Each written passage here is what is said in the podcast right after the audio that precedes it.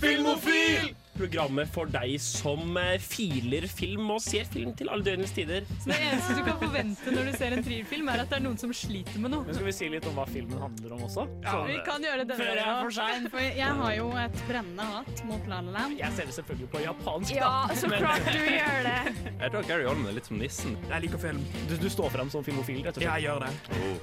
Du hører på Filmofil på Radio Revolt. Hasta la vista, Ja. baby. Ja, nok en gang er det torsdag, og nok en gang står Filmofil klare i studio for å gi dere en heidundrende sending.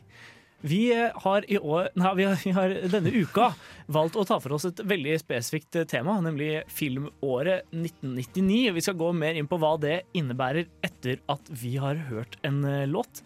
Men eh, før vi hører låt, så må vi nesten ja, eh, ta en runde med hvem som er i studio. Og eh, på teknikk eh, har vi i dag Henning. ja, tilbake nok en uke. Og vi har også med oss fast filmnerd Thomas. Thomas. Ja, det, det. Og, og vår nyeste opptatte. Meg, altså Jenny. Yes. Nei, men nå er det i hvert fall på tide å ta eh, en låt. Vi, vi går for Parcels med Lighten Up. Er dere, er dere klare for sending, eh, gjengen? Yeah. Ja, veldig. Jeg tror det blir bra sending i kveld. La oss eh, kjøre musikk. Ja, velkommen tilbake til Filmofil. Eh, men eh, før vi liksom for alvor går løs på kveldens tema, som er filmåret 1999, så har vi en eh, liten eh, bursdagsgutt i eh, studio. Yes, det har vi. Gratulerer med dagen, Thomas. Tusen takk, tusen takk. Det er ikke bare 1999 som skal feires i dag. Det er altså 1995. Det. Har du en eh, favorittbursdagsfilm? Sånn filmer som omhandler bursdag. Eller, eller en For da, da må jeg innrømme at Hobbiten eh, som bok, og jeg liker den første filmen, for den basically starter i en bursdag. Ja, Enten en film som omhandler bursdag, eller en, burs, eh, en film som liksom er bursdagsfilm for deg. Sånn som at The Matrix er en julefilm for meg. For. Jeg har nok ingen film jeg ser hver eneste bursdag. Nei. Eh, men 'Ringenes herre' har en bursdag i seg. Eh, Den, en av åpningsscenene Ja, er at de gjør klar til Bilbo sin bursdag. Så jeg føler det er nærme nok. Derav, siden 'Ringenes herre' er fantastisk, så er det 'Ringenes herre' som blir min bursdagsfilm. Bra valg av bursdagsfilm. Takk, takk, takk, takk. Eh, veldig hyggelig at du velger å tilbringe bursdag, bursdagen din her med oss i Filmofil. Takk. Men eh, det var så lite. nå som vi har fått det ut av veien, Og jeg er så ferdig med å mase. Jeg vet ikke noe som bursdagslider vi kan fire av. Nei, dessverre. Å, søren. Men eh, i hvert fall, la oss gå videre til liksom, hva, hva er det vi har tenkt å gjøre i dag. Eh, for som sagt, Vi skal snakke om filmåret 1999. Eh, og det er litt eh, forskjellige grunner. Eh, for det første så er jo men, men mest av alt skyldes det at filmåret 1999 er kjent som et utrolig godt filmår. Eh, Jeg har selv tenkt over liksom, at topplista mi fra det året inneholder helt vanvittig mange filmer det liksom er verdt å snakke om. Så det er ganske sånn standard go to-år når man skal kåre liksom, de beste filmene fra et år. Så måten vi har gjort det på da i dag, er at eh, alle i studio har lagd hver sin topp tre-liste med eh, filmer fra 1999. Og vi akter å gå gjennom alle plasseringene på alle de eh, forskjellige listene. Og filmen må være sluppet i 1999, for 'Ringenes herre' begynte å bli filma i 1999, og den fikk jeg ikke lov å velge. Ja, Vi snakker urpremiere 1999. Ja. 1999 som årstall på IMDb. Det er praktisk utgangspunkt. Yep.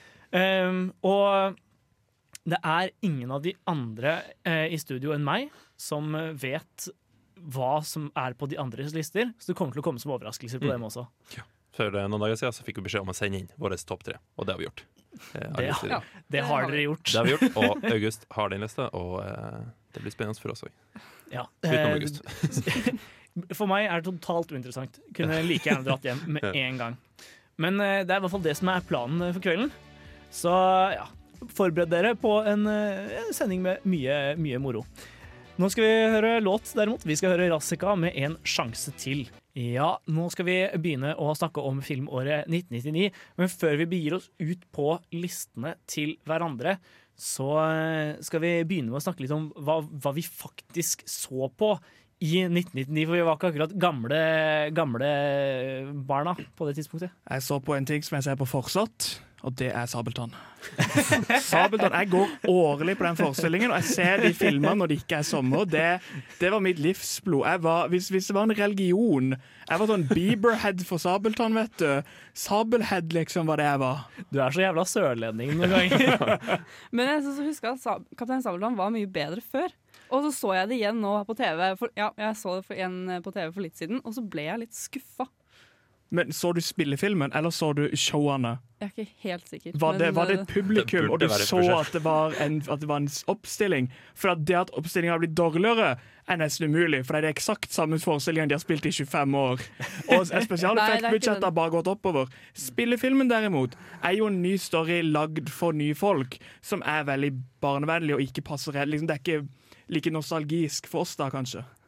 Nei, jeg, jeg hadde bare Kaptein Sabeltann, Kaptein Sabeltann på kassett. Ja. Så jeg satt og hørte gjennom hele spillet på kassett eh, hjemme i hjemme i le første leiligheten vi bodde i. Det er en ting, for Jeg er jo li jeg hater jo skrekkfilm. Jeg blir, jeg blir pissredd. Og det samme var det med Sabeltann. For jeg ble livredd når jeg så han. Men når han gikk vekk, så begynte jeg å hylgrine. Liksom. Jeg måtte, det var sånn Hata og elska det samtidig. Det var som The Shining for Nei, ikke Shining, men sånn type Det var skrekkfilm for meg. Det høres ut som en fin overgang for meg, fordi jeg vil gjerne snakke om Mummitrollet. Det var akkurat samme greia for meg. Jeg elsker Mummitrollet. Jeg tror jeg hadde tre, fire, fem VHS-er, forskjellige episoder. eh, som jeg så gang på gang på gang, og det de ofte hadde til felles, var at det var de episodene med Hufse. Jeg hata og elska Hufse. Jeg var så redd. En, eh, min måte å håndtere den jeg frykta på, var at jeg tok ei pute fra sofaen og hadde den i ansiktet når Hufsa kom. Hver gang Hufsa kom, så bare tjutt, puta i ansiktet, og så visste jeg jo hvor lenge scenen varte. Det var ferdig sukket ja, det var greit. Du, du hadde kommet til det punktet der du visste egentlig bare Det var sånn OK, nå skal puta opp, og så nå skal puta ned. ja, ja. Men vet du hva som, hva som skjedde i de scenene? Så Absolutt. du én gang før du gjorde det, eller var det sånn Nei, du så aldri den scenen før du ble Jeg tror jeg var- Liksom. Jeg tror jeg var traumatisert første gang jeg så den. Men har du sett igjen Hufsa nå? Ja, det har jeg. Er, har, eh, er Hufsa like skummel fortsatt? Hva har du på harddisken din?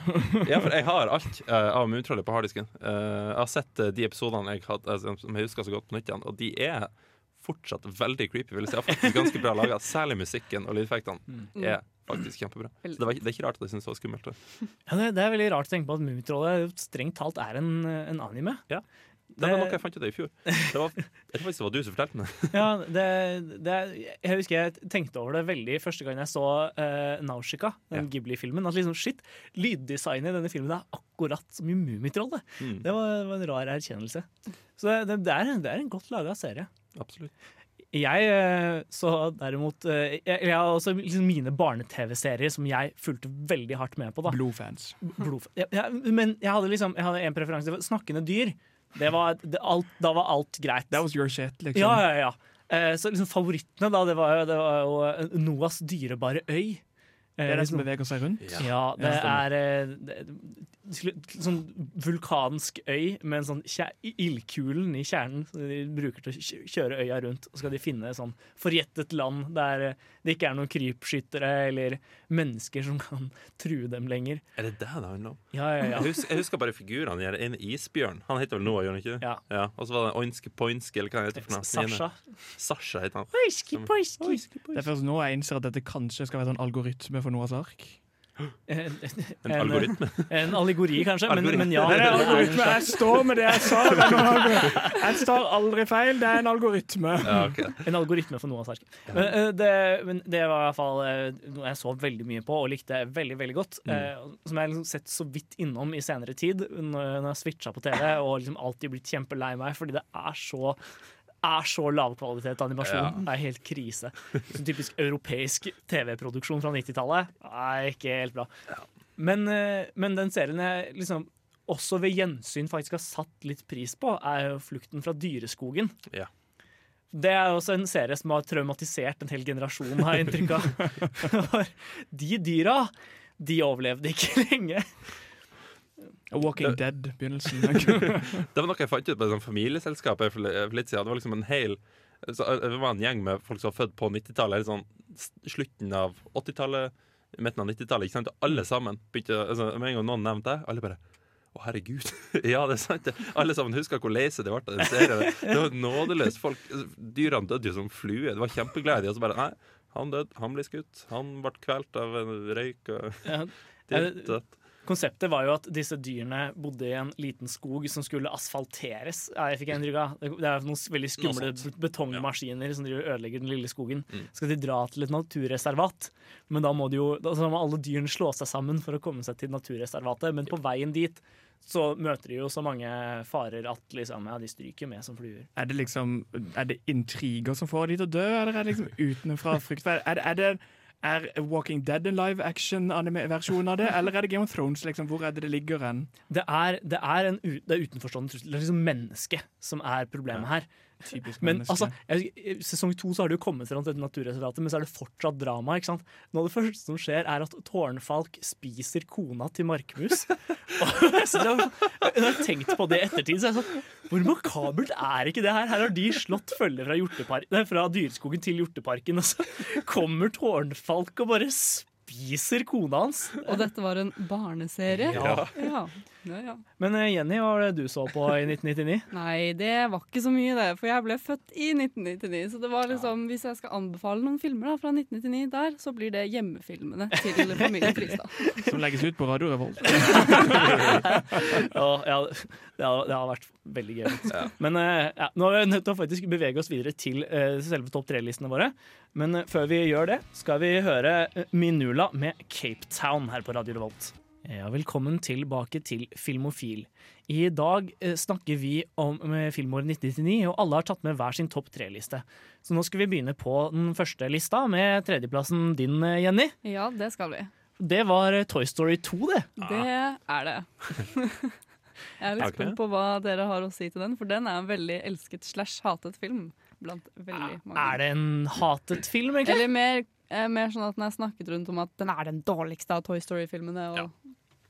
For for jeg er helt uenig der. Jeg mener Toy Story 2 er den beste av Toy Story-filmene. Eh, Jeg vet Det er en litt kontroversiell påstand, men jeg, det er- handler nok mye om at eh, jeg syns eneren er litt for stygg. Og jeg, jeg har veldig mye Mm. tålmodighet med det, siden det var den første helaftens animasjonsfilmen som ble laget, men det trekker ned filmopplevelsen litt for meg, mens treeren er litt vel sånn nostalgidrevet, og det har jeg litt problemer med. Mens toeren den er bare utrolig godt fortalt og en veldig interessant oppfølger. Jeg syns jo personlig toeren er blant min topp to når det kommer til Toy Story, men det kan også ha noe med å gjøre at den ble sluppet når jeg var rundt den alderen der Toy Story faktisk treffer. Mm. For jeg tenker De, de ble dårligere jo flere de lagde. For eneren fantastisk, men igjen, han er, han er litt stygg, derfor remakene er penere. Uh, og så er toren Det er noen jævla triste scener i den. det er Det det. er en sykt trist film. Ja, og, og de fundamentale spørsmålene den stiller, som er sånn Har du lyst til å bli husket for alltid, men, men ikke egentlig har levd? Eller har du lyst til å leve kort, men dø? Nei, Det er, liksom, det er et veldig, eller et veldig dyptgående og, og, og filosofisk interessant tema. da Han burde jo også hylles for å være grunnen til at Pixar klarte å fortsette. For at folk var jo usikre på om det bare var en one, one hit wonder med Toy Story. Og så når de slapp toren, så gikk det jo det var da ballen begynte å rulle sånn ordentlig. Mm.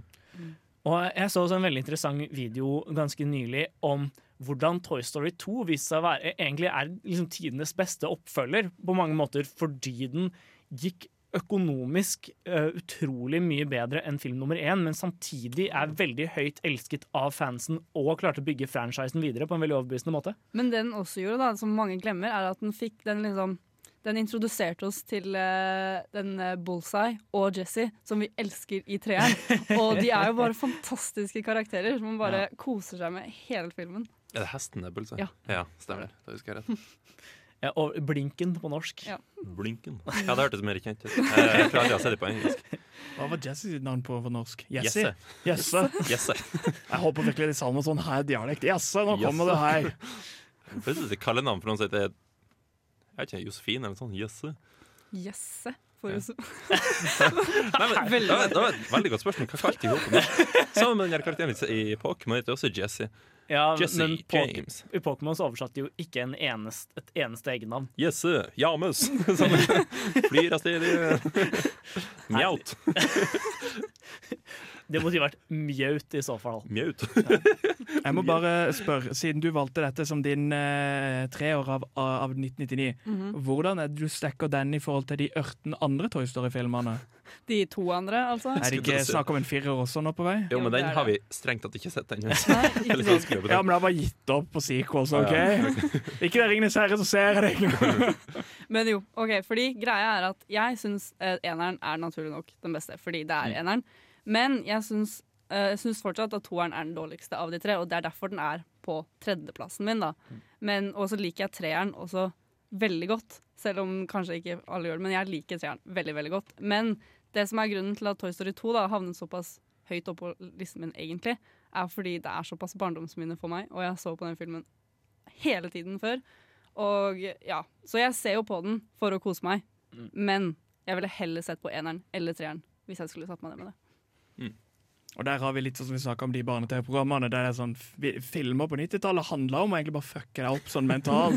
Du sitter jo og griner og ler samtidig. Det er sånn Pixar bare tar tak i hjerterota. Bare 'Nå skal du føle noe!' Ja, vi snakka mye om det under Pixar-sendinga vår, at de ja. tar ting og gir dem følelser, og så gjør de livet kjipt for tingene. Jep. Eh, jeg føler det er veldig, veldig tilfeldig i Toy Story 2 også. Mm. Men, eh, men ja. Og som sagt, så klarte de å holde det veldig filosofisk interessant. Da. Det er noe jeg har satt veldig pris på liksom, i voksen alder. Mm. I og med at jeg ikke har sånn kjempesterkt forhold til Toy Story fra barndommen helt. Men, men. Nå skal vi høre en eh, låt. Vi skal høre Beach Tape med Figure It Out, etterfulgt av en liten pause. Hei, mitt navn er Atle Antonsen. Du lytter til Filmofil på radio Revolt, og det gjør du helt til programmet er ferdig. Men eh, det er vi langt fra enda. Mhm. Vi eh, diskuterer filmåret 1999, og alle har tatt med hver sin topp tre-liste. Og eh, Henning, hvilken film var det du hadde på tredjeplass? Jeg hadde, hvis jeg husker rett, Office Space. Det, det stemmer med mine notater her. Ja. Kult. Det betyr at jeg var den eneste som hadde den på min topp tre-liste. med andre. Det eh, betyr nok det, ja. Ja. Er det noen andre som har sett den? Jeg Nei. har ikke sett den. Jeg har sett filmen. Ok, det var bra. For de som ikke har sett den, jeg, jeg føler at det er en komedie som har gått litt under radaren for den generasjonen, nettopp fordi eh, den kom i 99. Ikke sant? Det er ikke den mest populære filmen i verden, men det handler om en mann som jobber eh, i et, eh, et Office.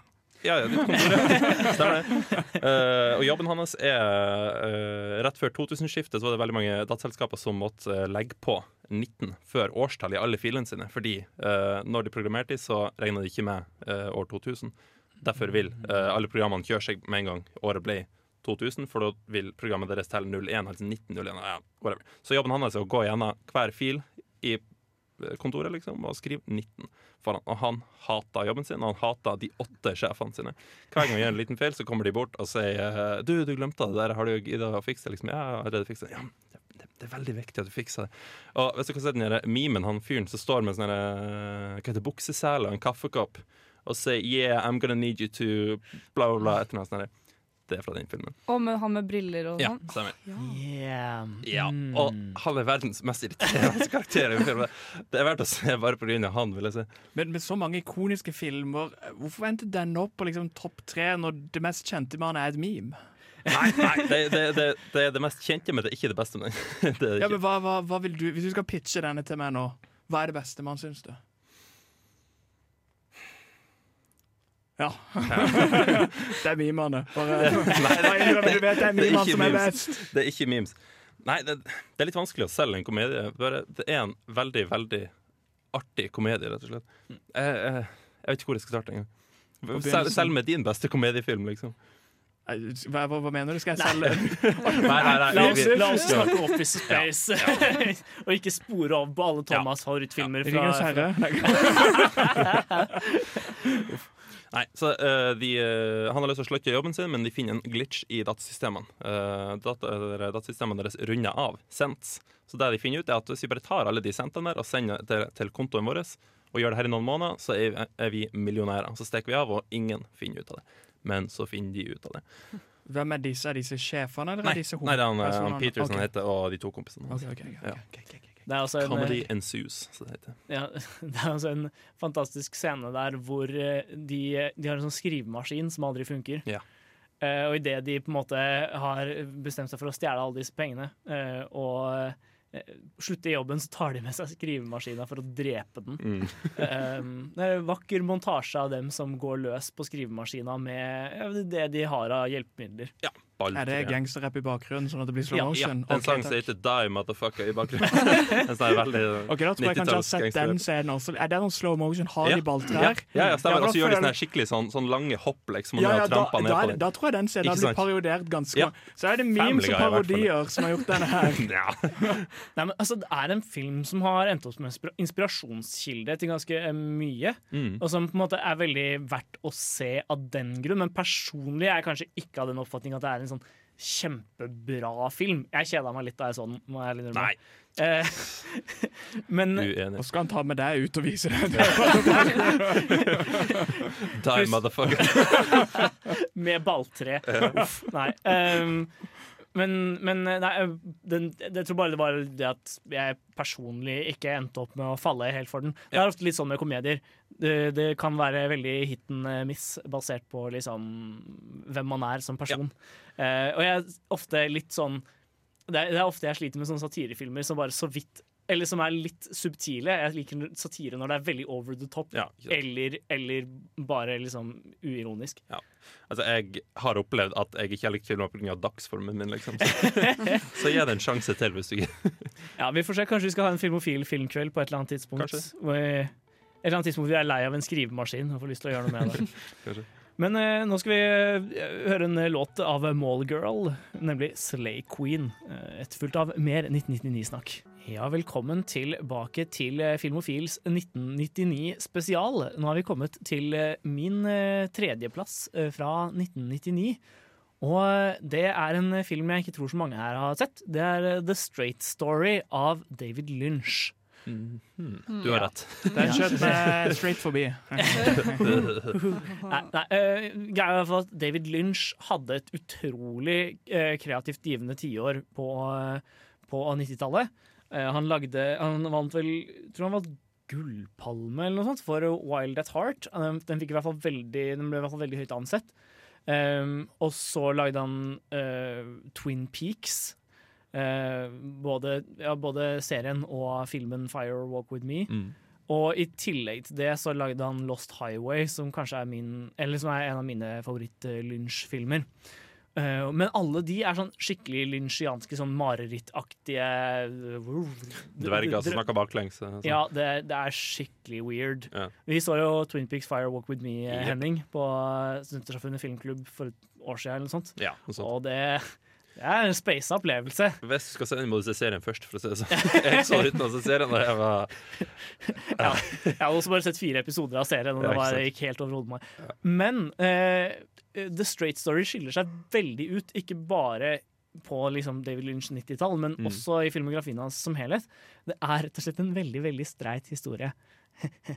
Eh, men eh, i hvert fall Det Jeg, handler jeg rett og slett tok han, August. Ja, det, det var bra. Um, Jeg tok han, men jeg valgte å ikke le. ja, det, det, jeg støtter den avgjørelsen. Um, men i hvert fall Det filmen handler om, er en uh, gammel mann som får beskjed om at broren hans er døende. Og vi skjønner at han og broren har hatt en eh, krangel for mange år siden, men som de på en måte aldri har kommet seg forbi. da. Og, og de har bodd i forskjellige deler av landet, så de har aldri liksom snakket med hverandre etter den krangelen. Og han bestemmer seg for at nei, nå har broren min blitt dårlig, nå må jeg dra og besøke han. Eh, Problemet er uh, han har eh, dårlig råd og ikke lappen. Så uh, han, set, han gjør som enhver klok person ville gjort, og setter seg på gressklipperen sin og kjører av gårde. Han har sånn trakt, liten traktorgressklipper, da. Eh, og filmen handler rett og slett om hans reise da, over, eh, over stategrensa eh, på en gressklippertraktor for å besøke broren sin. Og jeg vet ikke, det er rett og slett en utrolig, utrolig skjønn film. Men mitt spørsmål er eh, hvis, hvorfor tar man syre hvis man ikke skal få effekten? Hvorfor ser man en David Lynch-film uten syretrippen, liksom? Hva, hva er poenget? Ja, Det, det må jo sies da, Jeg så denne filmen som en del av eh, et lite David Lynch-maraton jeg kjørte for meg selv. Hvor jeg først så eh, Inland Empire, som er tre timer langt David Lynch syreepos. Og det, det, er, det er en av de mest spasa filmene jeg har sett noen gang. Og det å da se The Straight Story etterpå var veldig behagelig. Så det kan hende det er en litt sånn derre bare det at den, den overgangen fra Inland Empire til The Stray Story var med på å trekke opp opplevelsen. Men på det tidspunktet så var ikke mer David Lynch-syre det jeg trengte i livet mitt. Kanskje like behagelig som å gå av en gressklipper etter syv-åtte timer. Fordi jeg kan ikke se for meg noe mer ubehagelig jeg, ser for meg du mista følelsen i beina etter et par timer. Liksom. Stakkars mann. Men jeg vil, jeg vil egentlig si at The Straight Story er liksom min favoritt-road-movie. da som er løgnet. Okay. Det er jo en slags amerikansk supersjanger som handler om måte, folk som Mm. kjører av gårde i en bil, og det handler ikke egentlig så mye om hvor man skal, men om veien dit. For det handler jo mest av alt om hans interaksjoner med alle menneskene han møter mens han kjører av gårde i denne, i denne traktoren. Uh, og han møter, ja, han møter mange andre sjeler litt sånn på villspor, da. Um, og jeg vet ikke. Jeg syns det er utrolig fascinerende at David Lynch kunne lage en sånn film rett etter ja, Twin Peaks, Fire Walk With Me og Lost Highway og hele liksom, den bonanzaen han ellers dreiv med det tiåret. da. Det er rett og slett en eh, film jeg har lyst til å anbefale alle. Utrolig, utrolig skjønn film. Men eh, ja, skal vi bevege oss videre i, sending, i sendingen. Vi eh, ender rett og slett opp med å gå videre til andreplassene. Så det hold dere her på Radio Revolt. Nå skal vi høre Yves Tumor med Noid. En morsom avslutning på det Noid der.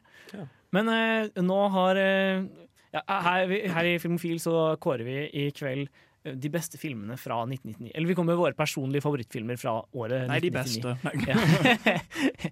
noen, eh, noen eh, vil si det også. Men, eh, men Thomas, din tredjeplass den eh, kommer litt eh, høyere opp på eh, noen andres liste. Så jeg tenker vi hopper eh, rett videre til din andreplass. Hva er det du hadde der? Det er en film som will always be in my heart. Litt sånn som Kala vil alltid ha Tarzan i sitt hjerte. Boom! Drop that! For det er da sangene fra filmen, og det er da Tarzan. Ja. og jeg føler man ikke trenger å forklare Tarzan, altså Disney-filmen da om Tarzan, Ja. som heter Tarzan. Ja, for eh, 1999, da begynner liksom Disney-renessansen å nærme seg slutten, og noen vil jo si at den allerede var litt over Nei, det er innen ingen, Tarzan ingen kom ut. sier han er ferdig overtalt. Tarzan var den siste filmen, sier det. Spørsmålet er etterpå. Men Tarzan er så nostalgi at han fortjener denne plassen. Det er litt sånn som Toy Story for deg. Bare Tarzan har gått på repeat så mange ganger. Det soundtracket alene kan jeg høre på i repeat i dagevis. Og til og med gått tilbake og lest bøkene, for jeg likte den filmen såpass godt. Ja, Phil Collins kommer jo for alltid til å være hatet på South Park pga. av soundtracket til nettopp Tarzan. Det er der jeg har det fra. Han, eh, ja. be in me, eller hva det er. Ja, han, eh, han vant Oscar for, eh, for uh, musikken han lagde til Tarzan Mm. over Blame Canada Ja. fra South Park Bigger Longer Uncut. Ja, Beste og- originale sang. Ja, beste originalsang. Uh, derfor eh, er han for alltid hatet. Yep. Men eh, hva, hva er det du liker med Tarzan når du ser den nå? Altså Hvis vi prøver å se litt bort fra nostalgifaktoren. Nei da. eh, det jeg elsker, er jo det de har lagd en ny animasjonsform til han som er Deep Cave. Der de animerer mye større og mye mer detaljerte bilder, som man virkelig ser i disse jungelscenene. Det er, liksom, det er bare så mm. fargerikt og så dype scener. Jeg synes også Storyen er veldig fin og handler liksom om familie og education og kjærlighet på en sånn fin måte. Og nesten hele filmen foregår jo uten noe dialog, som er en veldig kul måte i dagens samfunn, der alle filmene skal bli å, vi skal bli fortalt alt. Men i Tarzan blir vi bare vist og forklart ganske mye. Eh, eh, mitt forhold til Tarzan er litt sånn komisk, for jeg, da den kom ut, så hadde jeg sykt lyst til å se den på kino. Men så var det, var det jo sjuårsgrense på Tarzan. Og jeg var bare fem år. Så hva skulle man gjøre? Jo, man måtte sitte og vente på at man ble sju år, og ønske seg VHS-en i sjuårsgave. Eh, det var akkurat det jeg gjorde. Jeg så for meg at faren din kjøpte falske falsk legg eller noe sånt. Nei, men jeg satt og, jeg satt og venta i to år, og det er ganske lenge når du er fem, altså. På å få lov til å se 40 av er- livet. ja, ja, liksom. på å få lov til å se Tarzan. Og liksom endelig så, så eh, kom den, og så så jeg den på VHS, og så syntes jeg den var litt kjedelig. så var det skikkelig skuffende.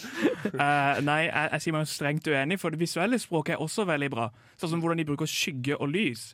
Alle scener som er eh, varme og positive, foregår i skyggen av skogen, for skogen er trygghet, det er skygger, mens alle scener som er ondskap, er lys. Det som er også fin måte at Du vil alltid se hånden før noen dør. De fokuserer veldig mye på hånda, sånn som hvordan mennesker tar kontakt. Han finner ut at han er et menneske. Han finner ut at han ikke er lik sin mor, men, han, men de, fortsatt, de elsker hverandre. Og det er det aller siste du ser av Clayton når han dør, er hånda som faller ned. Det er et veldig kult og spennende visuelt språk. Sånn som hovedfienden i begynnelsen er jo cheetaen, leoparden, som har spots på seg. det.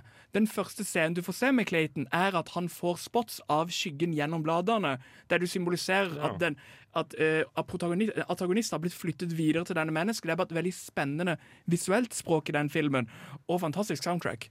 Og Tarzan er ikke så stygg å se på. Så du, du som fireåring satt og tok inn her bare ja, bra filmspråk.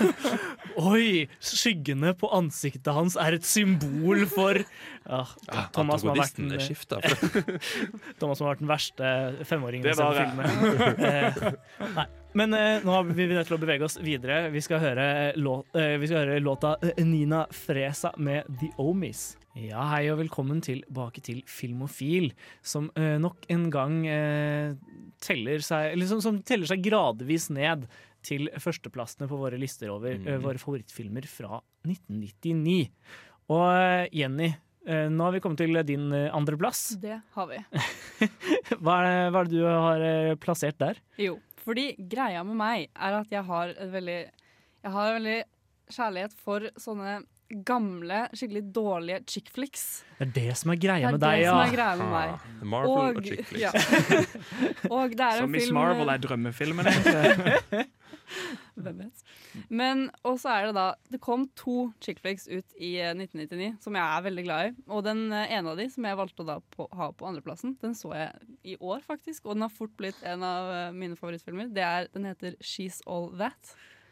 Som har noen av dere sett den? Nei, Ja, men jeg husker ikke hvilken det er, for jeg blir tvunget til å se alle disse chick flicksene. Eh, Jeg hadde den på pensum, faktisk, i eh, eh, et fag som het film- og fjernsynsanalyse. Hvor vi skulle lære om ideologikritisk eh, filmanalyse ved å plukke fra hverandre She's All That og se på hva slags ideologi er det denne filmen egentlig fronter. Eh, Så jeg refererte faktisk til akkurat den artikkelen på, i bacheloroppgaven min. så, så jeg også hadde nylig møte med She's All That, men kun i akademia. Ja. Men ja, fordi eh, sånn som egentlig alle andre chick flicks, så tar den seg for, den tar for seg at det er en jente som er upopulær, som eh, blir eh, nei, Så er det en populær gutt som forelsker seg da i henne. Og det er veldig Ja, det er et veldig, veldig vanlig konsept i sånne chick flicks, men det er også sånn den andre Ten Things I Hate About You, som også kom i 1999, som er nesten akkurat det samme, hvor begge baserer seg på et veddemål. Og det er bare noe ved det som jeg elsker. Og jeg skjønner ikke helt Jeg vet ikke helt hvorfor jeg elsker det, men det bare, ja, jeg syns det er så underholdende å se på. Sånn Sånne gutter som, blir, uh, som eh, er skikkelig dårlige mennesker og uh, derfor går med på et veddemål Ja. hvor de skal prøve å få en jente til å bli forelska i seg. Ja. Og så blir de faktisk forelska. Det er Ja. noe du Ja, ja, det er jo veldig teit, uh, egentlig. Men Nei, Ja. det det? hadde, Så du hadde likt det skikkelig godt hvis det kom en, eh, kom en uh, gutt som viste tydelig interesse for deg, og så viste seg at det egentlig Nei, bare var ikke et veddemål? virkeligheten, da. Men det, det hadde vært Nei. Det, Men tenk hvis du viste at han Ja, men- var forelska i deg likevel. Men folkens, det går jo bra til slutt, for hun må jo bare ta av seg lesebrillene, og så er hun superpen. Det er sant. Ja, Ja. Åh. Ta ut hestehalen, ta av brillene. ja uh, så har hun det. Det er jo sexy, vet du. Ja, men, men eh, hva er det? Er, så er det, det er bare en sånn eh, Det er bare en type film du liker veldig godt? Ja, og så har de jo gjort det Ja, de har gjort det ganske bra, da, vil jeg tørre å påstå, med den filmen. Eh, De har jo, selv om begge, både She's All That og Ten Ten Things I Hate About You baserer seg på det samme type veddemål-ting, så klarer de å gjøre noe annet ved det. Og da gjør det til at den ikke blir helt lik den andre filmen, og da, da er det noe annet. For jeg mm, må jo ærlig innrømme at jeg syns den filmen var eh, veldig, veldig kjedelig. Eh, Nei, det er, det er tre filmer vi har snakket om. Hver gang har sagt jeg får slakte andre, andreplassene til alle. Eh, men eh, men eh, nei, jeg, tror, jeg tror folk har liksom tatt sånn Førsteplassen er uh, veldig sterk personlig favoritt, mens andreplassen er litt sånn derre sånn guilty pleasure litt, som man Ja. ha, følte man måtte ha med på lista. Ja. Eller ikke guilty, men Alt mitt er guilty. Veldig veldig personlig favoritt. Mens tredjeplassen ble litt sånn der Ja, den må jo være med på lista, tross alt, liksom. Ja. Eh, så så eh, det er de andreplassene deres jeg har størst problemer med. Men, okay. men eh, nei, jeg, jeg, jeg har også litt sånn grunnleggende problemer med makeover-sjangeren. Fordi det det er, liksom jo skikkelig teit. ja, ja, og det er en slags sånn, sånn idé om at Ja, men dere jenter, de, dere, som, dere som ikke er så pene, hvis dere bare kjøper nok stæsj og blir flinke nok til å pynte dere, så, så kommer alle til å like dere, og så kommer, dere kommer egentlig til å være pene. Men når det er et realityshow og handler om menn, altså Queer eyes, er jeg fullstendig med på det. Da er jeg down for that! Ja, Vi har diskutert mine problemer med makeover-konseptet tidligere. Men Var det det du endte opp med i den oppgaven din? Når Eh, dere analyserte den? Nei, det, det er deler av konklusjonen til han som skrev artikkelen, var at liksom, filmens moral er en sånn, eh, sånn spark til ungdommene som er målgruppen. Er sånn, Voks opp, da! Skjerp dere. Slutt å bry dere så mye om sånn teite fjortisting. Men hvordan kunne den filmen slå ut eh, Toy Story, er det jeg lurer på. Ja, det er jo fordi jeg er jo veldig glad i sånne filmer. Av en eller annen merkelig grunn. Så det er liksom Når jeg skal ordentlig kose meg, så setter jeg meg i senga, tar popkorn og tar et glass iste, og så setter jeg på en sånn film. Ja, jeg kan jo forstå, forstå, det. Jeg har et par sånn dårlige science fiction-filmer som jeg har akkurat samme forhold til. Battlefield Earth. For eksempel. Pitch Black er liksom toppen av sånn dårlig sci-fi. Men uh, nå er vi dessverre nødt til å bevege oss uh, videre. Vi skal uh, høre Jungle med Heavy California før vi går videre til uh, Hennings andreplass. Det er mange spenstige outroer i kveld. Mm. Men, men. Det er fortsatt bra musikk, da. Vi eh, skal nå videre til eh, din andreplass av filmer for eh, 1990, fra 1999, eh, Henning. Ja. Og hvilken film er det du valgte å plassere der? Fight Club. Valgte å plassere der. Og Slåssklubben. den har alle sett.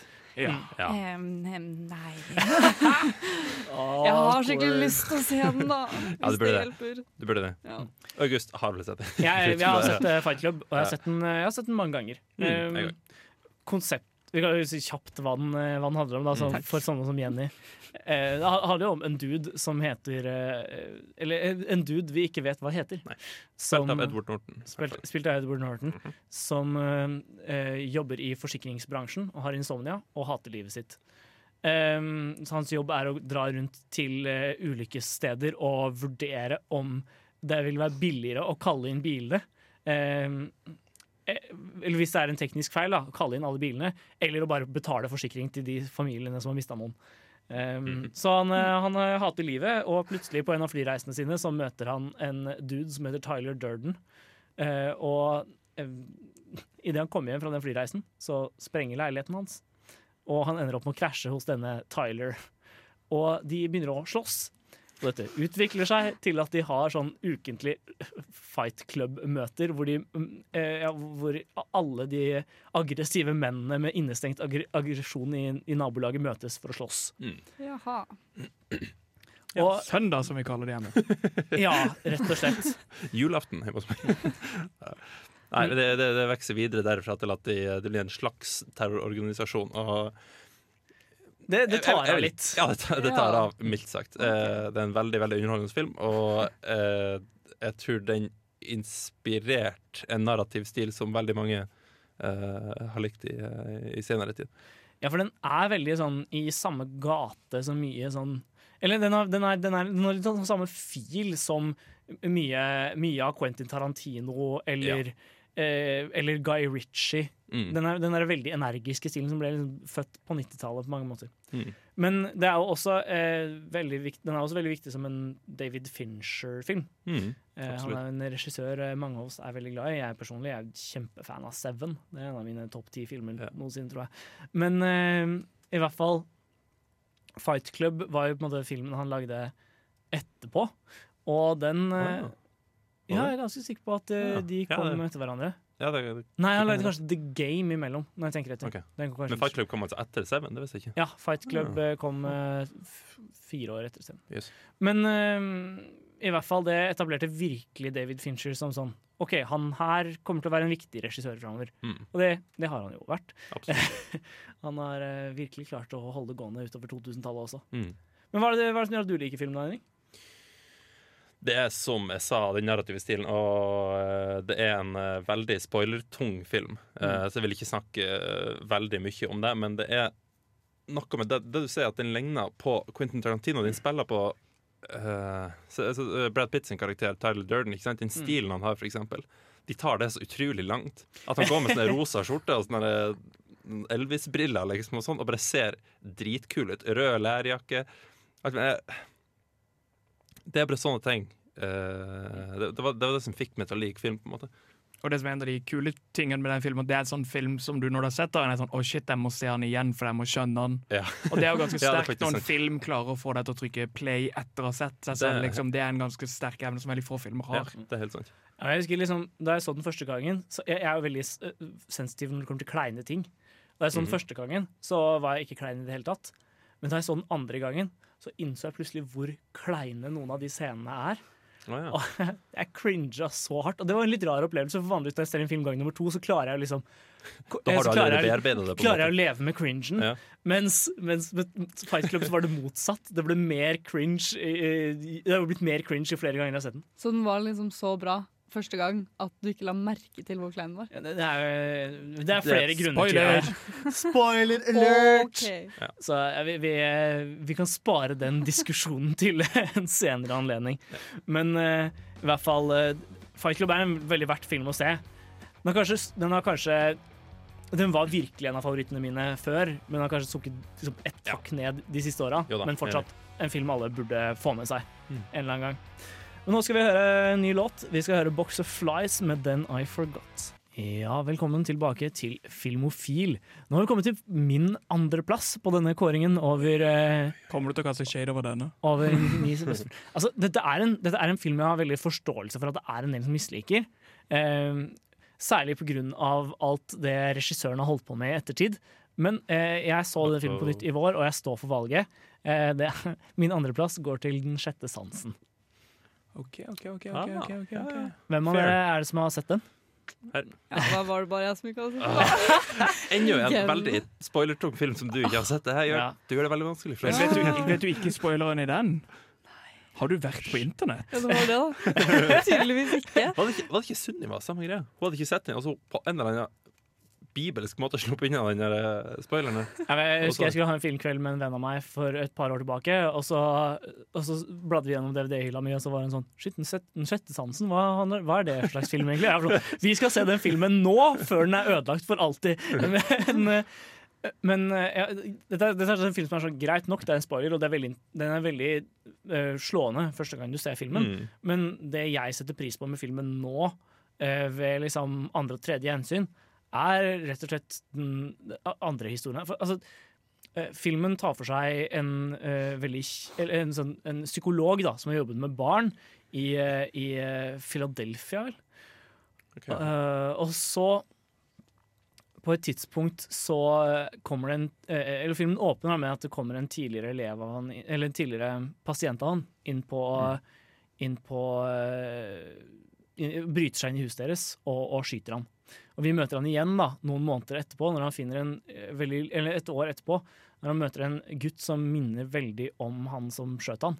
Eh, som har veldig lignende type problemer. Han bestemmer seg for at denne gangen skal jeg faktisk klare å hjelpe han.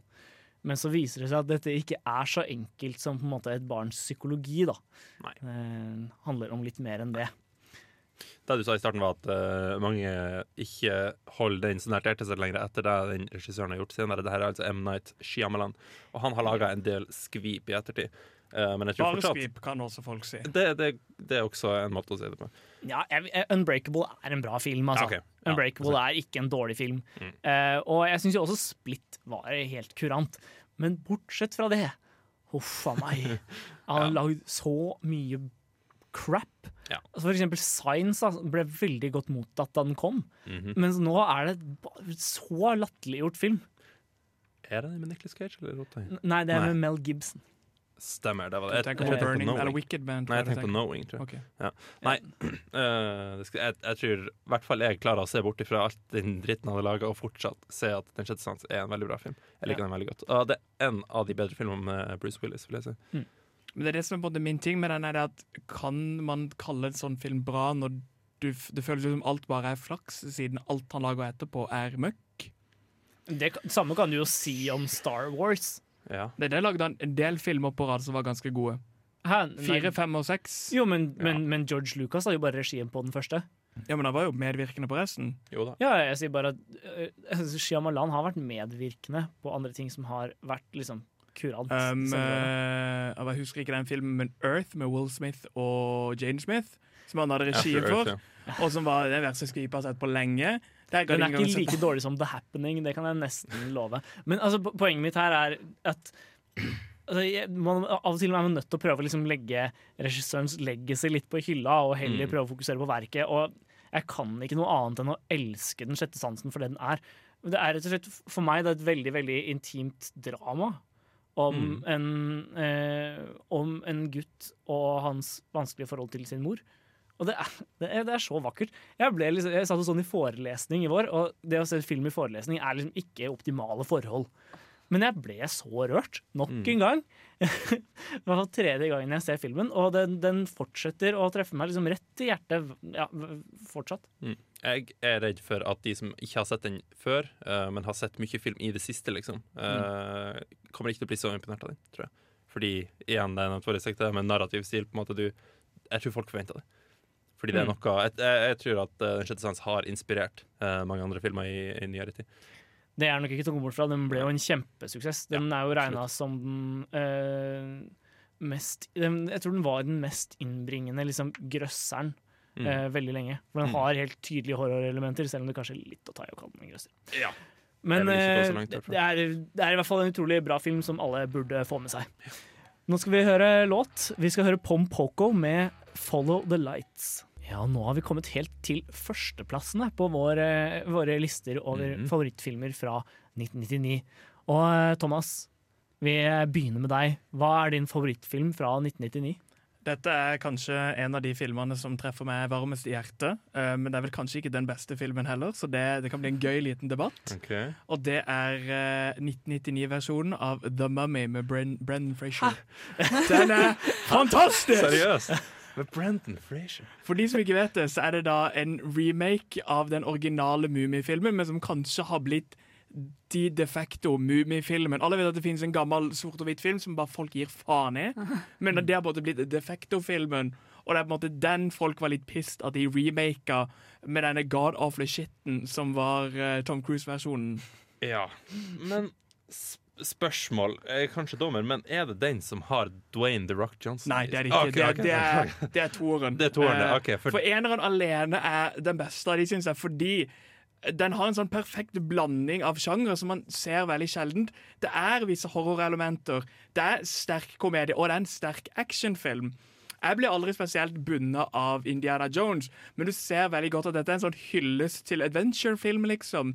Med mytologier, med magi, med en seriøs tone, men akkurat tullete nok til at du kan underholde deg kjempemye.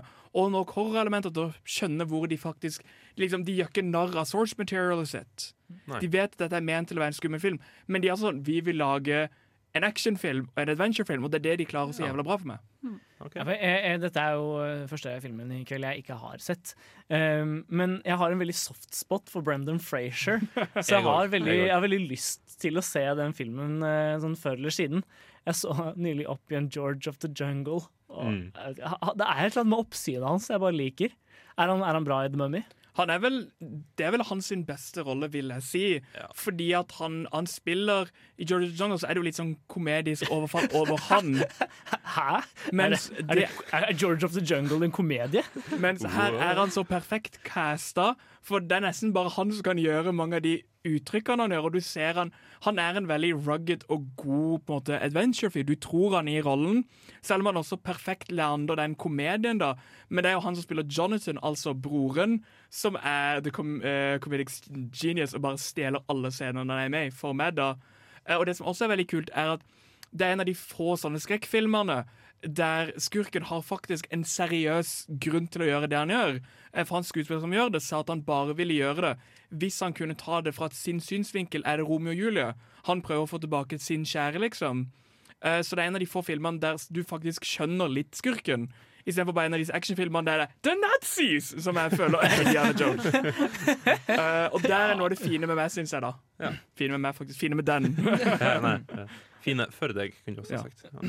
Det, fi, det fine med deg, Thomas, er at du, du, har, du har en grunn til å være ond. Det. Men samtidig, altså, det, det kan du si om Dr. Freeze òg, da.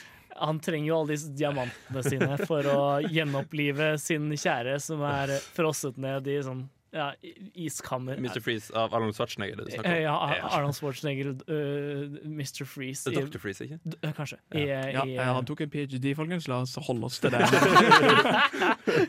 Nei, men det er jo. Det er hele den stilen, og ja, spesialeffektene er ikke fantastiske, men det er 1999. Og hvis ikke det står Spielberg på navnet, så er spesialeffektene shit uansett. Mm. Men jeg syns det er kult at de prøvde. Ja, og, og jeg syns ofte de filmene fra 90-tallet som på en måte gikk har, hardt inn for det der Nei, praktiske effekter, og vi skal bygge det svært og gjøre det, gjør det gøy. Jeg syns det er veldig forfriskende å se opp igjen de nå.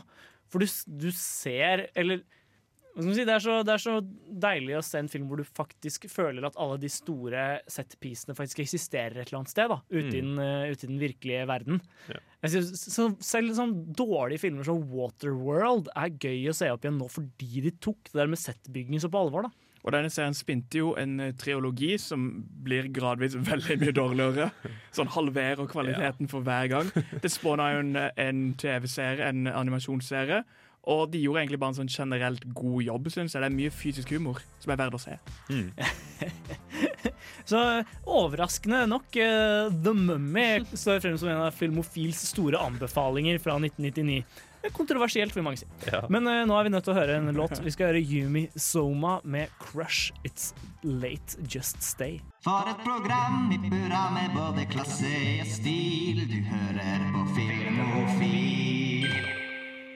Ja, og, og på Filmofil i kveld så diskuterer vi filmåret 1999. Og vi, disk, eller vi er nå kommet til våre favorittfilmer fra året. Og eh, Jenny, hva, hvilken film er din favoritt fra ditt fødeår? Mitt fødeår. Det er en film som heter Man on the Moon. Ingen okay. reaksjon. Har noen sett den? Nei, jeg har ikke sett den, men jeg kjenner til filmen. Da. Det er um, Jim Carrey i hovedrollen, ikke det? Det stemmer.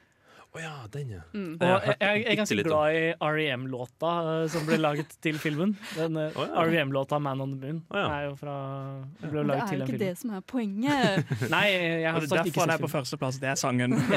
Er han, er han faktisk på månen, eller? Nei, han er ikke det. Fordi det er, eh, det er en dokumentar, kan man vel si, om eh, da Jim Carrey som spiller uh, Andy Kaufman, den, en komiker. Eller en stage performer, som han heller likte å kalle seg for.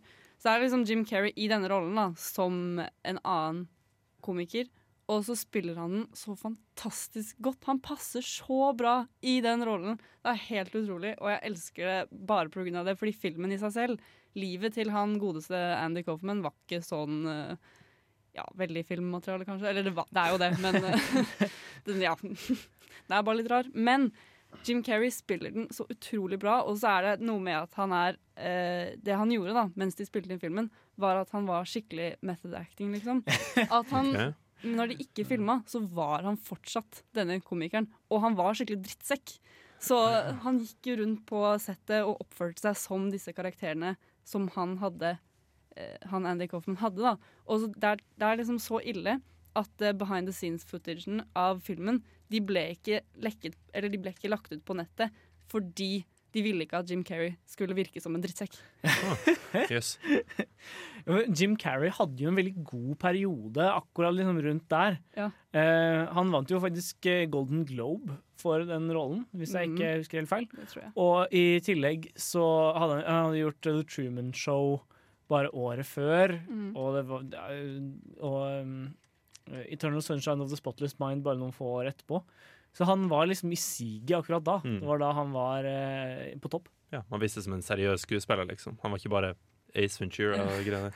Det kom, kom det etterpå? Nei, han var ikke bare dum dummere. nei nettopp. Men han er en av de komikerne som jeg føler personlig har ikke Jeg føler han bare fada ut, selv om jeg ikke så han i så mange dårlige filmer mot slutten. Liksom. Jeg likte han. Jeg føler han for jeg, jeg, liksom, fordi at Han har alltid hatt en stil som jeg personlig har, har likt, liksom. Jeg, jeg liker den stilen han hadde. Ja, jeg, jeg, har snak, jeg har snakket om det på ei sending tidligere. Det var pga. ei rettssak som dukka opp rundt han. Han øh, har veldig mange personlige problemer. Ekskona hans har saksøkt han massevis av ganger og masse masse, masse trøbbel. Det er bare mye ondt blod liksom, rundt Jim Carrey. Det er fordi ingen vil ansette han lenger. Og det er veldig synd, syns jeg. Fordi han er jo helt tydelig en veldig, veldig veldig kompetent skuespiller. Mm. Samtidig, de gangene han har blitt ansatt i det siste, så har det jo ikke gått sånn superbra. Nei. Dum dummere 2 var jo, ble jo ikke den hiten de hadde tenkt det skulle Nei. bli. Nei, men uh, Se, se for deg uh, favorittrockartisten fra 80-tallet. Hvis han skulle komme tilbake nå og rocke på scenen akkurat som han gjorde på 80-tallet, det hadde aldri funka. Han har jo blitt 30 år eldre, liksom. Kan- Det er ikke akkurat 30 år, Kiss men det er is keeping it strong. Med de samme shit jeg har- tviler. Jeg var på konsert med dem for sånn oh, ja. fem år siden, og de they still go strong. Ja, ok, kanskje, men de er eh, regulatorer på scenen, men they go strong. Nei, nei men eh, det poenget mitt er at jeg uh, Du kan ikke forvente uh, jeg, jeg, jeg følte det var kanskje bare en dum idé å gå for Dom og dommere to. Det var ingen som ville ha den, uh, og det var ingen av de som liksom, kunne spille den lenger. Nei, Det gikk ikke an å fange den samme sjarmen. det, det er noe med det. Mm. Eh, Den typen humor hadde blitt litt elda. Ja, absolutt. Ja, det har den jo. Men, eh, men eh, det, skal vi, ikke- det skal ikke ta noe bort fra det Jim Carrey hadde akkurat i, rundt, rundt tusenårsskiftet. Blant annet i Man on the Moon. Mhm. Så for å ta det hele tilbake liksom, til i nærheten av det stedet vi begynte, i hvert fall. Men eh, ja, nå skal vi snart bevege oss videre til eh, vår felles eh, førsteplass, Henning. Men før det skal vi høre Sports med Never Fall In Love. Ja, nå har vi kommet til eh, kveldens siste liksom, førsteplass. Og det viste seg at eh, vi hadde samme favorittfilm fra 1999, Henning. Aha. Og jeg nevnte den så vidt eh, i starten av sendinga. Mm. Jeg vet ikke noen av dere husker det, men jeg sa at det var min julefilm. Noe jeg ser hver jul. Og det er ikke helt sant. Jeg blåste litt opp, men jeg har sett den veldig mange julaftener. Nok til at det er rart, for å si det sånn. Hva var din tredjeplass, Thomas? Eh, Min tredjeplass var Le Matrix, eller Matrix, da. Ja, Le Matrix, stemmer. Le- Le Matrix. Det var nemlig min og din førsteplass august. Det, det var det. Som selvfølgelig ikke er bedre enn Tarzan og The Mummy. Liksom, folk. Jo, det er det. Herregud. wow. Wow. I know kung fu. Ikke det? Ja, men, ja, Konseptet da, for de som eventuelt ikke har sett filmen, er jo at uh, Keanu Reeves spiller en helt streit dude. Mm. som, Thomas. Thomas Anderson heter han. eh, Ja, det er Ja. Mr. Anderson. Mr. Anderson. Men uh, i hvert fall han eh, trasker rundt og jobber i et kjedelig, uh, kjedelig firma på dagtid, men på kveldstid så er han hacker. Ja, og så eh, er det en ting han alltid har liksom lurt på, da, det er hva er The Matrix? Han har kommet over dette på internettet og har en eh, tydelig følelse av liksom, at verden han Mm. lever i, ikke er ekte. Uh, og så viser det seg jo at det er fordi uh, menneskene har skapt uh, kunstig intelligens, eh, kunstig digital intelligens, som nå har gjort hele menneskeheten til eh, slaver. Eh, og eh, eh, og, um, han, eh, han eh, Mr. Anderson, da, eller Neo, som han blir, eh, som han blir hetende. Kan vi bare kalle han Thomas? ja, han Thomas. må stå opp mot, eh, mot maskinene og på en måte komme seg fri fra dette, denne fangetilværelsen. Da. Mm.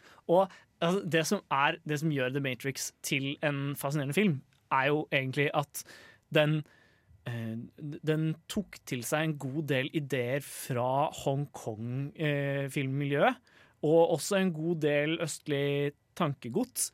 Og så pakka de det inn i en på en måte streit, science fiction-innpakning. Men de brukte en måte De brukte en god del stilelementer fra, fra rett og slett Hongkong. Og ble der- dermed med på å vri Hollywood sin, sin actionstil over mot mer sånn spektakulære ja, slåsssekvenser. da. Ja, det er, det er som du sier, men det er da han For å si det litt enklere, da. Han, han, liksom, han, eh, det var en marriage mellom filmer som handla om liksom, det filosofiske, det tankemessige, blanda med bare fantastisk bra lagd action. Som liksom bare skapte denne perfekte kiden som da er The First Matrix-filmen.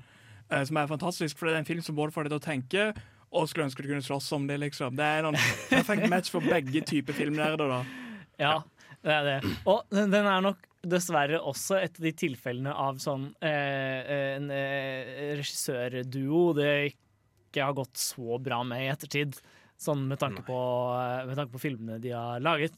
Disse Wakowski-søsknene, Mm. um, har, har jo senere stort sett laget kjedelige ting, inkludert inkludert The Matrix 2 og 3. Som også er ganske De er legendarisk dårlige. De, huff. ja, Samtidig, de har noe for seg, da. Det er Ja, ikke jeg jeg syns ikke toeren var så ekstremt ille. Det er noen fighting-scener som er fantastisk, men jeg er enig om at treeren Når, du- når du fjerner filmen din fra Matrix, uh, Ja. så bommer du litt på konseptet. Ja. Og du begynner å bryte dine egne regler, som allerede var løse nok, spør du meg. Men altså, toeren, toeren har uh, en veldig god uh, slåsssekvens og en veldig dårlig en, spør du meg. Ja. Den kjempedårlige i bakgården den er helt, helt idiotisk, spør du meg. Der ser du at de har, prøvd, at de har brukt eh, tydeligvis bedre teknologi, ikke sant? men allikevel uh, laga en scene som ser mye mye dårligere ut. Men den scenen på uh, motorveien, dritkul. Den liker jeg. Og, men som eh, vi nevnte tidligere her, disse filmene har jo de film, Mange av de filmene vi har snakka om i dag, har vært med på å inspirere filmene Mm. som har kommet ettertid. Og The Matrix har virkelig satt et fotavtrykk da i amerikansk populærfilm. Eh, plutselig skulle alle actionfilmer faktisk ha en liksom eh, egenarta stil. Da. Og ja, eh, den har jo blitt parodiert til det uendelige. Eh, så det, det var veldig morsomt for meg å se The Matrix for første gang i sånn litt voksen alder. Mm. Fordi jeg kjente igjen alle parodiene fra liksom teite barne-TV-serier og alt, alt mulig. Reklamer. Den har liksom Den har virkelig satt et tydelig, fått et tydelig ettermæle. da. Og alle memesene, da, selvfølgelig. What if I told you? Red pill or the blue pill? ja, det, det har jo virkelig blitt et ordtak. Ja, Red pill, ja. Ja, Ja, ja, ja. Red pill har stått stadig opp i psykologi ganske ofte, tror jeg faktisk. Ja, Det er et ganske festa begrep. Og eh, hvem skulle trodd at en film som i bunn og grunn bare liksom formidlet Det nye testamentet i en ny form, skulle bli så interessant. Veldig ny form. Ja, han heter jo, han heter jo Neo, eller One. Og dama hans heter Trinity. Hallo. Surprise! Og, liksom. og så har du Morpheus med The God of Dreams. Ja, det, er, det, er, det er mye Nei, det er- rar symbolikk på gangen her. Men i hvert fall, vi skal nå høre en låt som kommer fra Eller som, eh, som er fra albumet 'Music From and Inspired By The Matrix'. Eh, og det var sånn jeg fikk et forhold til denne låta, i hvert fall. Eh, det er nemlig Ramstein med 'Du Hast'. Ja, vi eh, har jo nå gått gjennom våre favorittfilmer fra 1999. Men det er mange filmer fra det året vi ikke har fått snakka om, som også holder utrolig høy kvalitet. Så jeg tenkte vi kunne avslutte med en liten runde hvor vi snakker om liksom, eh, ja, honorable mentions, eller snubs. Og eh, vi kan jo begynne med deg, Jenny. Har du Mhm. noe du savner? Jeg har det. For da jeg satte meg og lagde den listen, så støtte jeg fort på et problem. Og det var at jeg hadde delt andreplass mellom to filmer. Uh-oh. Og den andreplassen den skulle egentlig også gå til A Christmas Carol, med den med Patrick Stewart. For den er jeg så glad i. Den ser jeg nesten hver jul. Den er, altså, ja, jeg liker den så godt. Det er din Matrix. ja. Men, eh, Bare litt mer julete, da. Kanskje. Kommer an på hvem du spør. A Christmas Carol er en litt mer julete Matrix. Det er en rar konklusjon å dra ut av. Ut av eh, Men det er i hvert fall en film du gjerne skulle hatt med på lista også. Ja, det er det. Thomas, da, er du noe, noe du savner? Mens vi venter på at 'Ringenes herre' skal bli sluppet, for den filmes nå, så er det en film som er så mye barndommen, som jeg, jeg oppdaga var fra 1999. Og det er Asterix og Obelix Takes On Caesar. Det er en sånn film jeg så mye i barndommen. Jeg var, jeg var fan av den filmen. Den likte jeg veldig godt. Uh, den kom ut i Frankrike i 1999, så derav ble den sluppet da. Er det den hvor de ender opp med å bli gladiatorer ved en tilfeldighet? Nei, det er den, liksom den første filmen, den som er uh, der de er i galla. Ja, ja, det er en live action. Ja, det er live altså, action. Ah, okay. det, er, det er en av de tre live action-filmene som fins. Ja. Det er en av de få som blir oversatt til norsk. Jeg husker jeg så den da jeg var liten og bare Ja. Det var ikke noe for meg. Det var noe for meg. Jeg husker eh, veldig godt i fransken i første klasse på videregående så eh, hadde vi valget mellom å se eh, Asterix, Obelix og Cleopatra eller Jean de Florette, kunstfilm fra 80-tallet. Eh, og alle guttene stemte på Asterix og Obelix, og alle jentene stemte på Jean de Florette. Men heldigvis var vi én gutt mer i klassen. Altså. så Men eh, Henning, har du en eh, favoritt Eller en, en godt likt film vi ikke fikk med? Ja, det må bli South Park. Større, lengre og usensurert. Eller uncut, heter det på engelsk. Den er, det er min favorittmusikal. det er det uten tvil. Men det er bare at jeg, jeg, når jeg bestemte meg for hva jeg skulle ha på lista mi, så måtte ha en artig film, på en måte. Men jeg, eh, jeg må være ærlig og si at det var litt grunnen til at jeg ikke tok med South Park, var fordi dere sa at jeg kom garantert til å ta den med. Så tenkte jeg opp, opp, opp, nå skal jeg ikke gjøre Aha, I research. showed them. Du er så sykt rebell, Henning. Ja, ja, ja. Men jeg er en angrende rebell, kan du si. Nei, ja. jeg er veldig glad i Office Det hadde vært et bra sånn, eh, sånn navn på et band. Ja, en angrende Regretting Rebel. Rebels Regret. La oss starte band, folkens. Ja, det høres ut som en kjempeplan. Men, eh, men det er selvfølgelig en favoritt av, Ja, i South absolutt. Det er ikke like bra som serien, men uh, det er selvfølgelig en veldig bra film.